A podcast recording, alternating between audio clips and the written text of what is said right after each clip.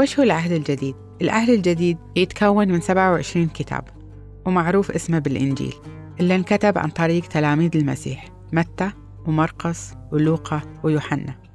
يبدأ بولادة المسيح وحياته وصلبه وقيامته وتاريخ الكنيسة بعد قيامة المسيح. وكتاب أعمال الرسل اللي يعتبر تكملة لكتاب لوقا والرسائل اللي من خلالها انتشرت المسيحية في أنحاء العالم. وهي تنحسب جزء من الكتاب المقدس لأنها انكتبت من خلال الله بقيادة الروح القدس. وفي آية تقول إذ لم تأتي نبوة قط بإرادة بشرية بل تكلم بالنبوءات جميعها رجال الله القديسين مدفوعين بوحي الروح القدس. وفي آية ثانية تقول إن الكتاب بكل ما فيه قد أوحى به الله وهو مفيد للتعليم والتوبيخ والتقويم وتهذيب الإنسان في البر لكي يجعل إنسان الله مؤهلا تأهلا كاملا ومجهزا لكل عمل صالح.